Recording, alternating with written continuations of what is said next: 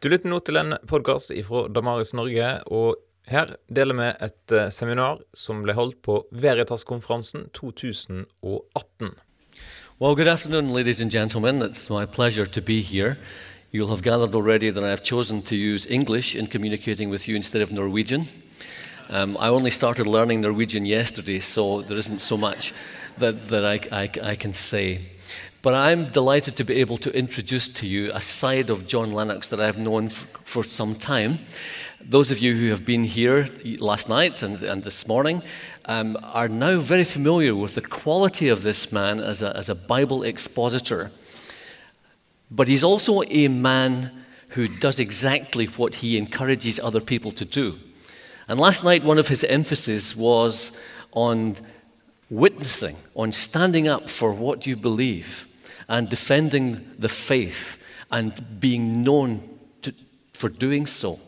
Nobody has done that, in my view, more publicly and in more vulnerable situations than Professor uh, John Lennox. And so we're going to be illustrating through conversation and some, some film clips some of his uh, more high profile debates with some of the world's renowned atheists. John, I wanted to begin by asking you um, if you got into this fairly recently, or if somehow this urge to stand up and be counted uh, goes back quite some way.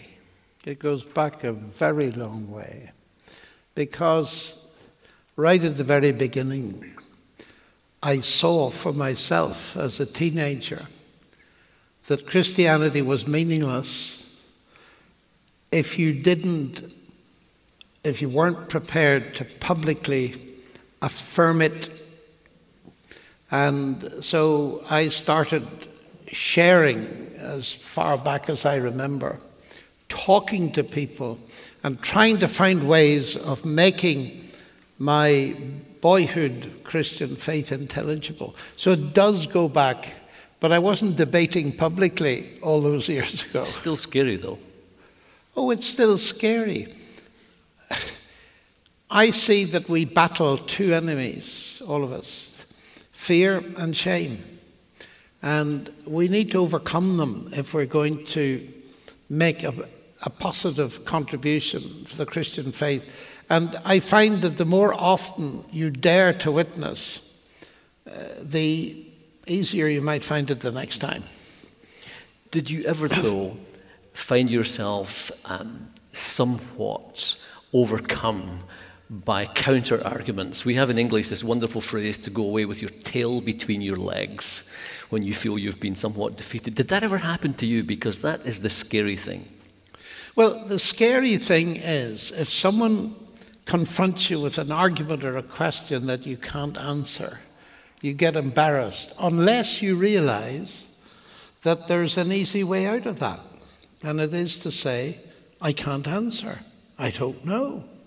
Do you know, some of the most useful conversations come about when a Christian is honest about what they don't know. Because we're often taught that we have to have the answers to every question before we can say anything. And I used to think that. But then I discovered the best way is when somebody comes up with a question like that, I say, Look, I've never heard that before. That's really interesting. Now, I would like to think about that seriously. I have nothing to say about it now, but could we meet for a week and have a, after a week and have a cup of coffee and talk about it? No one will ever cause you to lose face if you say, I don't know. They'll learn that you're human and that you're honest. And the sooner people learn that we're human and honest, the better.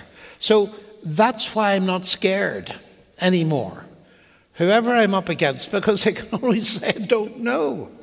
You know, I was in Harvard, and they're quite clever people, some of them in Harvard. It's just a little story. And a chap stood up and he asked a question. It was so complicated. And when he'd finished, I said there were about two and a half thousand students there. I said, I haven't a clue what he's talking about. Do any of you? It brought the house down. That was the end of it. There was nothing more needed to be said. you know, just being open and friendly when we don't know changes the You, you, you make it sound more like a conversation than a confrontation. Oh, yes. Confrontation, and I've had my confrontations, are to be avoided. A soft answer turns away anger. And once anger and emotion enter into things, that's dangerous and usually very negative. Time does not permit us to tell tales of how, long before the very famous, uh, now famous public debates, you went to the former Soviet Union on your own, and there you debated with uh, communist uh, professors and so on. Sorry, we don't have time to tell you all about that, but it's a wonderful aspect of John's story. And so it's not when we come to his uh, world renowned encounters with, with uh, Richard Dawkins, it's not the first time he's found himself in that kind of arena. I remember being at the, at the first very public and televised debate in Alabama, and uh, I had no idea how this man of God was going to stand up to this Goliath of atheism, Richard Dawkins, who was very experienced in the public square. And I thought that maybe what I would do to start with is play a little clip that illustrates how that debate began to go. Because instead of being a man who merely held his own, as we say, um, as you will see, uh, John Lennox began to have an impact on Richard Dawkins that saw his body language speak of a sort of inner crumbling that was going on. This was an amazing experience for anyone to say. We're going to illustrate from one of the, one of the questions that was asked or one of the points of Richard Dawkins, um, which was being addressed, when he asks the question, Who made God? And the way this debate was structured was that the moderator read some small sections from the God Delusion book, and then it was for the two gentlemen to discuss. That's at that clip now. Thank you. What you wrote is this The whole argument turns on the familiar question who made God? which most thinking people discover for themselves. A designer God cannot be used to explain organized complexity, because any God capable of designing anything would have to be complex enough to demand the same kind of explanation in his own right. This argument, as I shall show in the next chapter, demonstrates that God, though not technically disprovable, is very, very improbable indeed. I want to address the who designed the designer question because it's the old schoolboy question who created God. I, am actually very surprised to find it as a central argument in your book because it assumes that God is created. And I'm not surprised, therefore, that you call the book The God Delusion because created gods are by definition a delusion. now, I know, and I ought to explain that Richard doesn't like people who say to him that they don't believe in the God he doesn't believe in. But I think that this is possibly touching a sore spot because you leave yourself wide open to the charge. After all, you are arguing that God is a delusion. And in order to weigh your argument. Yeah, that. You said what? I, I said that it is you who's arguing that God is a delusion. Oh, sorry. Right. And in order to weigh that argument, I need to know what you mean by God. And if you say, if there is a God, you have to ask who created God, that means that you're reduced to thinking about created gods. Well, none of us believe in created gods Jews, Muslims, or Christians. The God who created the universe, ladies and gentlemen, was not created, He is eternal. This is the fundamental distinction between God and the universe. It came to exist, He did not. And this is precisely the point the Christian apostle John makes at the beginning of his gospel. In the beginning was the Word. The Word already was. All things came to be by Him. God is uncreated, the universe was created by Him. So, John, if I may say so, you're, you're flying here. But this is such an important point, isn't it? Because it sounds like game, set, and match. Who made God. But it's silly. It really is childish. And I meant what I said. I never expected Richard Dawkins. I wouldn't expect an Oxford student, let alone an Oxford professor, to make such a elementary philosophical mistake. And to make it as the key argument in your book is just so childish. I, I, was just amazed.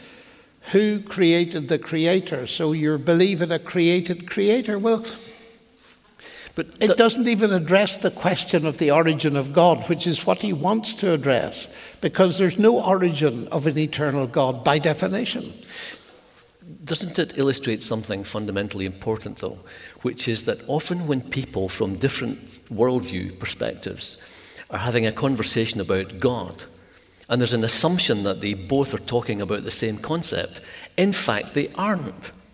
Oh, yes, that's vastly important. And you can see that, except that at least Dawkins says in his book that he hates all supernatural gods.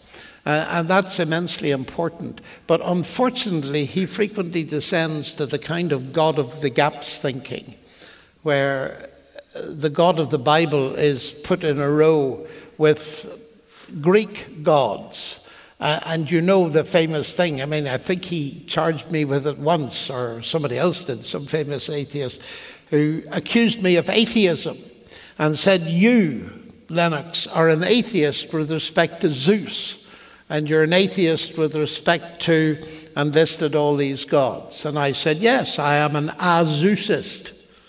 I am an atheist with respect to Zeus. And then, with a big smile, they say, We just go one God further and we're an atheist with respect to the God of the Bible, which shows that they haven't any notion,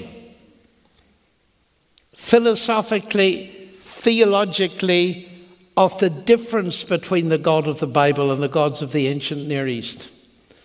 The gods of the ancient Near East, all of them, are, to quote Werner Jaeger, one of the world's experts on it, they are all descended from the heavens and the earth the God of the Bible created the heavens and the earth. He's not in the same category. And they keep making this, this simple mistake. And then they make it far worse by asking a question that no, no schoolboy should ask because it is one of these questions that misses the point. Those of you who, who study apologetics in some detail will be aware that the Christian worldview stated apologetically can be very powerful indeed. There are counter arguments, of course, but it is a very powerful thing to argue that the Christian worldview makes more sense of all the complexity and wonder that surrounds us, who, what, and where we are, than anything else. So there are different ways to argue, of course. One is philosophically, and we've been hearing philosophical, that philosophical argument around who made God. But there's another way to argue, which we sometimes called ad hominem. And by ad hominem, we mean you attack the person not the idea. So, interestingly, when Professor Lennox had his second encounter with Professor Dawkins, the whole debate suddenly and unexpectedly became, well, from one side at least, ad hominem, as you will see here. John Lennox is a scientist who believes that Jesus turned water into wine a scientist who believes that Jesus somehow influenced all those molecules of H2O and introduced proteins and carbohydrates and tannins and, and alcohol and turned it into wine. He believes that Jesus walked on water. I had been accustomed to debating with sophisticated theologians and I come across John Lennox, who is a scientist who believes in all those things. That is profoundly unscientific. Not only is it unscientific, it doesn't do justice to the grandeur of the universe. If you're going to say that Jesus was born of a virgin, that Jesus walked on water, that he turned water into wine, that is palpably anti scientific. I can make it worse for you. I know you can. Because Jesus actually claimed to be the Logos that created the whole universe. And if this is the Creator incarnate, making water into wine and so on is really a triviality. The, the, the more fundamental thing is the fact that he claimed to be and gave evidence that he was God. When you say it's anti scientific, I don't think it's anti scientific at all. Science cannot say that miracles do not occur, it can say they're highly improbable. But nobody is claiming that these things occurred by natural processes. They, they occurred because God fed his power in. Well, they said of the Lord whom. Um,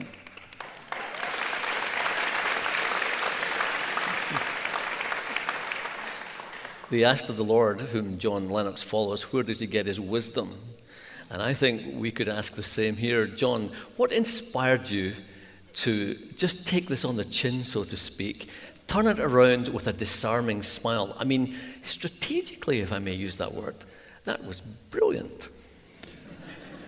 Well, actually, when you're scared stiff, smiling is a very good method of dealing with things. You see, I didn't know what was going to happen.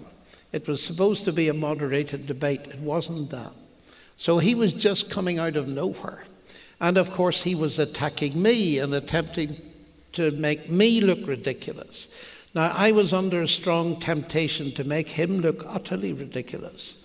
But I felt that wasn't the right way. But once he started mocking my faith that Jesus turned water into wine, I decided the best thing to do is to actually make it much more, much worse, so to speak, by saying, But I actually believe that Jesus is God incarnate, and therefore he will have control over all of creation.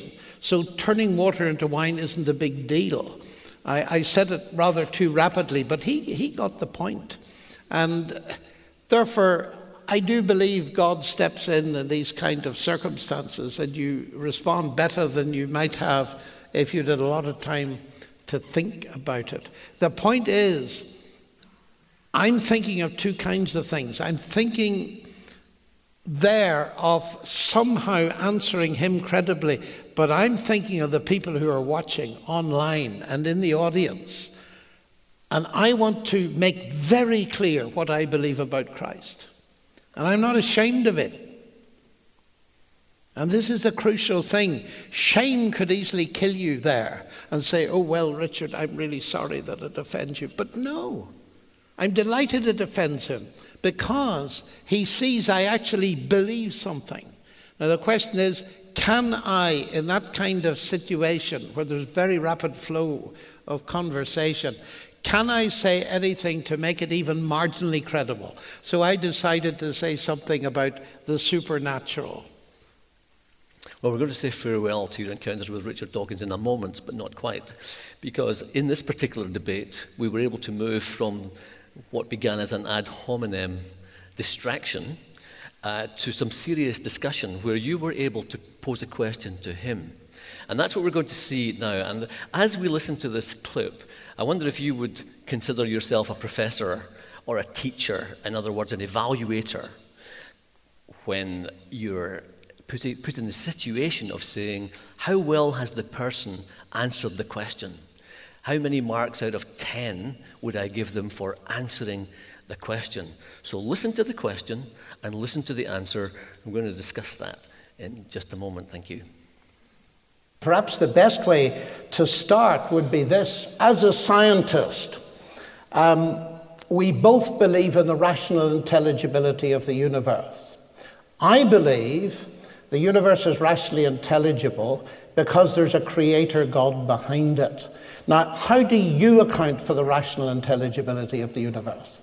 Well, John, you said that I believe that the universe is a freak accident, which is the opposite of, in, of, of what you believe. Um, for many years, uh, for many centuries indeed, it seemed perfectly obvious that it couldn't possibly be a freak accident because you only had to look at living creatures, the sort of magnificent diversity we see in this, in this museum, and everything looked designed. And so it was clearly preposterous to suggest that it was due to any kind of freak accident. Darwin came along and showed that it's not actually a freak accident, but nor is it designed. There's, there's a third way, which in the case of biology is evolution by natural selection, which produces a close imitation of something that is designed. Why are they laughing? Well, they're laughing because it's the first time anybody has used Darwin as someone who explained the origin of the universe. I mean, this is just obfuscation confusing things. You notice he talks about Darwin, but the question was, what's behind the universe? Darwin never pretended that there was anyone other than God behind the universe. So he's not addressing the question. And that's pretty serious stuff, actually. It's not very impressive either. But isn't there a great and interesting, therefore, subtlety about this argument that says, John, I agree with you. This looks designed. I'm not saying that it doesn't. It has the appearance of design. Oh, yes. The thing is, I can explain this to you because if we're talking biology in particular, which is where he moved the argument wrongly, of course, um, Darwin showed us how you can get the impression of design, but it's not design. Quite clever, that, isn't it? Well, it's clever, but it's false because Darwin showed no such thing. Darwin showed how there could be minor variations through natural selection. He never showed anything that evidenced design. And the, the whole mistake is that, as Sir Fred Hoyle pointed out, and he was an atheist, he said Darwinism explains minor variations. That's obvious to anybody, including me. But those design features that we describe that way, those mechanisms do not explain at all. So, what Richard is saying, I have an explanation, it looks designed, but I have an explanation that explains the appearance of design, but it doesn't. And my own view, of course, is it appears designed because it was designed. That's the simplest way out. And unless I'm given reason to doubt that, it seems to me this is very special pleading. They don't want to face it. Hawking's the same. He wrote a book called The Grand Design. And in the middle of it, he gives all kinds of reasons why the universe is designed at the cosmological level. And he said that is not the attitude of modern science, which is false. It's not the attitude of some scientists. And therefore, there's a desperation, it seems to me, intellectually, to get away. They must not have any intelligence behind the universe because that contradicts their whole naturalistic philosophy. So earlier on, we talked about a very fundamental thing this question, the relevance of this question who made God? Mm. I think we're into another very fundamentally important aspect of this debate, which is I can show you processes, and I'm going to use those processes to argue that those processes are self originating. It's the same with the universe. I can I can look back through telescopes and I can do mathematical calculations and I can see how we went from there to there to there. The same in the natural world.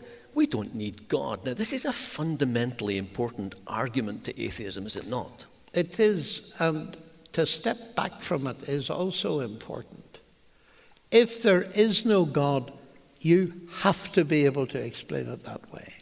And that's one of the things that has worried me for many years about this whole business. Because usually science is independent of worldview. What do I mean by that? Well, you cannot deduce, let's say, Kepler's laws or Newton's equations from either Christianity, theism, or atheism. You can't. But the one area that you can deduce from pure philosophy, as Lucretius did a long time ago and brilliantly, assuming there's no God, I ask you to write a short essay on how the universe arose. You will come up with a version of unguided evolutionary theory. All of you will, because it's the only option. Now, that's what worries me. It's the only option for atheism. It's not the only option for theism. From a theistic point of view, philosophically, God can make the universe any way he likes. And it's up to us and our research and investigation to see can we see some evidence of the way in which he did it. But the atheists have no such choice. They must believe in self creating matter because they believe the universe started from nothing. So they've no option. And they must believe in self organizing life. They have no alternative option. And not long ago, well, the last couple of years, there's a very interesting book written by one of the world's top biologists. Um, Shapiro, who heads the Chicago department, and he writes uh, a book called Evolution, a 21st Century Viewpoint. And he admits this. He said, We were so scared in the 20th century of creationists raising their voice that we allowed stuff to be called science which was shoddy, which was not well thought out. And that's a huge admission. And I find more and more, not everybody, but more and more people at the very top are admitting there's something seriously wrong with this kind of naturalistic viewpoint where the philosophy is the start and your deductions are essentially philosophical. They are not scientific. And it seems to me that the issue, rightly understood, is not the science, not the science of evolution, it's the philosophical use Oh, of, absolutely. of, of, of the science. Because for a lot of Christians, they feel that unless they can bring evolution down, they're under constant threat. But actually, atheism is misusing this. It's not about whether evolution is true or false, is it? It's, it's no, the, it's two things, and they need to be carefully separated when it comes to evolution. The people like Dawkins are deducing atheism, which is a worldview, from evolutionary biology, which is science. Well, that's a category mistake. You cannot deduce a worldview. So, first of all, you just can't deduce atheism, no matter what you believe about the biology.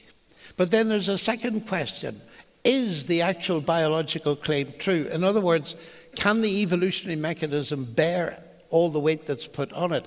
I happen to believe it can't, but theism doesn't stand or fall by it. And the trouble is that sometimes Christians feel that unless they can sort the biology out, they're in a very dangerous ground. But if they're not biologists, they're in very dangerous ground to start with. So it's very important to separate these things. And that's why I wrote the book uh, Guds Undergang, or whatever it's called in Norwegian. That's, that's out there. They're separate questions. Theists have a great deal to say, obviously, as you, as you illustrate. One of the problems is getting other people to take as seriously uh, sometimes. I'm going to give you an illustration of that. Um, just before John debated Christopher Hitchens in the Edinburgh's Usher Hall, as part of the Edinburgh Festival, I interviewed Christopher, Hitch- Christopher Hitchens about how apprehensive he was and how well prepared he was for facing um, the Christian faith's John Lennox. And this is what he said. There isn't going to be any new argument. Those who defend the Christian worldview are stuck with the one they've always been stuck with. It's, it's wrong of me to expect that they will come up with original material. Um, it either is or is not a matter of intellectual and moral integrity. So I don't do any prep. Um, and I don't want to say that in a, in a complacent manner. I mean, I do know what their arguments are. Mm-hmm. I judge them afterwards by whether or not they understand my position, which so far they, they, have, they have not. I've never yet met any religious believer who understands what it is to be a person without faith. So, John, your problem is you don't understand atheism. Oh, no, that's not what he said. What he said, I've never yet met a person who doesn't understand people without faith, but he's not one of them. He's full of faith in his atheism. And that's the huge mistake, which shows me he's not a philosopher. He doesn't see that his atheism is a belief system. And, well, you judge for yourself the kind of arrogance that's reflected in that. He doesn't do any preparation, and therefore he gets into trouble. Not. it, just, it, just, it does just show how important the worldview aspect is, isn't it? Oh. It's not about the science, it's about the, Yeah, it's about it's the worldview. enormously important, Ian. If you take anything away with this, from this, the crucial thing is with our friends, even one on one. Hitchens, Dawkins, and the others have brainwashed the world into thinking that Christians are people of faith, which means they believe blindly where there's no evidence. Atheists are rational, they are not people of faith. Now, that's nonsense. It depends on changing the ordinary definition of faith as trust based on evidence, unless you're a fool, and turning it into blind faith. And it's a very cheap get out uh, for Hitchens and others because they meet someone like Ian Morris or John Lennox and they say, well, these are men of faith, so there's no point in talking to them because they believe or there's no evidence. But that is, just isn't right. And that obscures the true nature of faith that Christianity is evidence based, but it also obscures, and this is even more dangerous, that they're all believers. I mean, Richard Dawkins writes in The God Delusion atheists have no faith. What is the book about? What he believes. I mean, this is just silly. In the um, Edinburgh debate, people were obviously listening. It was a very, very mixed audience. It will take just a minute to show you how the audience voted at the end. to understand this, you have to know that the motion was that the new Europe prefers the new atheism. So that should prefer the should, new. should prefer the new atheism. Uh, that was the motion. And uh, here's what happened when the vote was taken. Let's, let's look at this. It's very, very um, close. We don't have the facility no, I think count. Uh, Professor Lennox got the majority. Well, I think let's just check again. those in favour of the motion, and those against. I declare the motion lost. Didn't he do well? Yes, of course. It's the first time Christopher Hitchens had ever been told he lost the debate.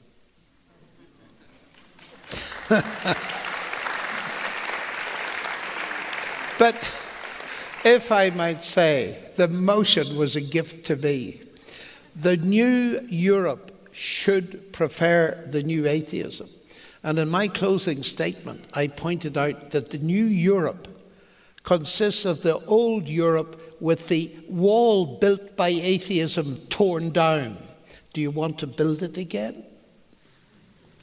I've got a question for you. I got five minutes or so left, and we have to decide together whether we use that for Q&A or for two more clips. So for those of you who want to use it for Q&A, could you raise your hand? I declare the motion lost. Yeah. we'll have two more clips. We, we, have, we have referred to, I'm not sure we discussed, but we've referred to the universe the creation of the universe. We've been talking about evolution. There is one other huge area which occurs in the next clip. And incidentally, these are the three focal points for the new Finn is Good series, which Lars was referring to uh, earlier. And there are leaflets out there in the bookstall uh, about it the cosmos, life and evolution, and mind and consciousness. Because the big question about mind and consciousness is what processes can we use to explain this? And if we, if, if we even understand the processes, how do we explain those processes, the existence of those processes themselves? Well, Michael Shermer, editor of Skeptic magazine, has the answer to that question.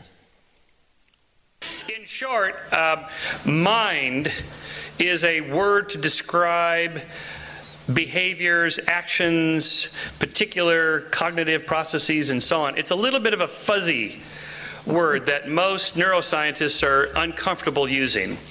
And therefore, I think it's better to talk about specific things, like you have a particular kind of thought that drives a particular kind of behavior. What is the cause of that? Consciousness is an emergent property of a billion, billion neurons uh, firing in particular patterns and nothing else.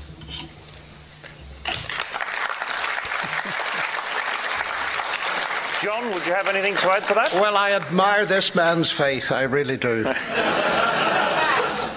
Consci- no using the F word. I am, yes. Consciences is nothing but a firing of a billion neurons, but there's not a scrap of evidence for it.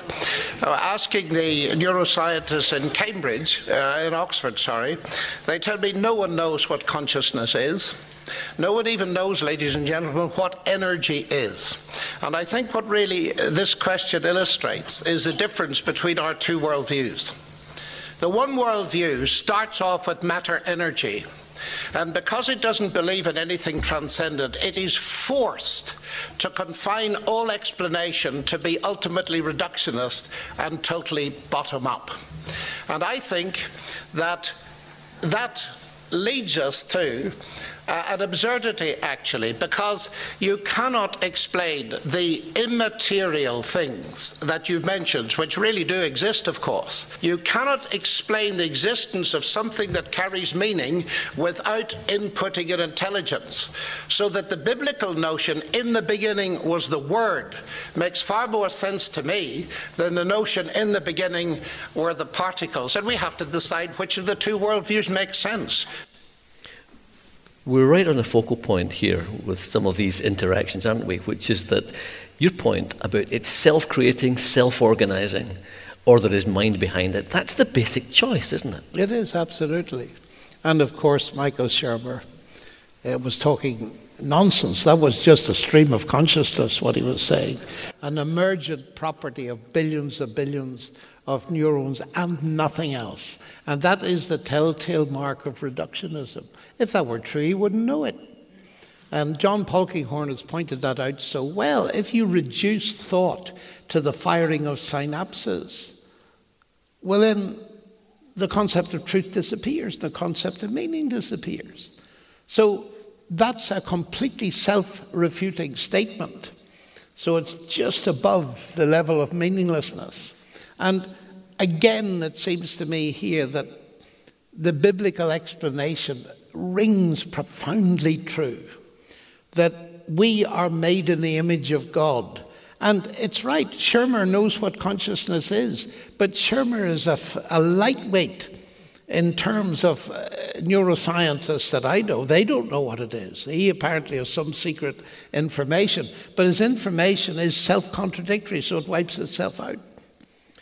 We've heard earlier on an attempt to depart from scrutinizing the logic of the that underpins the Christian worldview, and we had the ad hominem example. But I want to uh, finish with another example, which claims that actually, John, your problem is culture.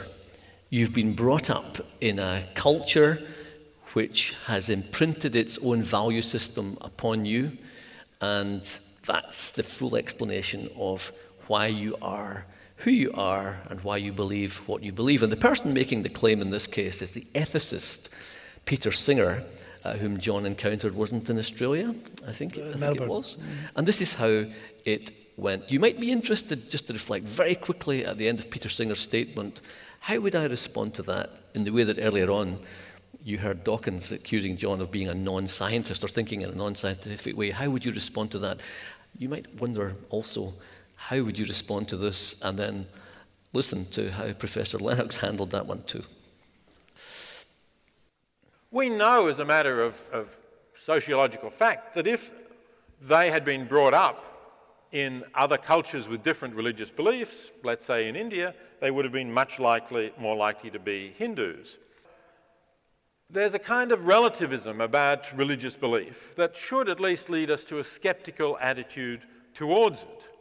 Is it just, you know, is it just a coincidence that John is a Christian when his parents were Christians? It's surely not just a coincidence. It's surely that cultural tradition which made it easier for him to accept that belief. Now, brought up by parents who were Christians, I was indeed. Peter, can I ask you, were your parents atheists? My mother was certainly an atheist. Um, my father was uh, yeah. maybe more agnostic. So you're perpetuating the faith of your parents too, like I am? Um, it's not a faith, in my view. Oh, well, of course it's, it's a faith. Don't you believe it? I don't have faith in any being. I think the point I'm making, Peter, that this is the genetic fallacy, as you well know. And uh, the point is, and I take the point because when I first got to Cambridge, one of the first questions I was asked, of course you believe in God. All you Irish believe in God and you fight about it. And for seconds. that reason, I have spent my life among people that don't share my faith.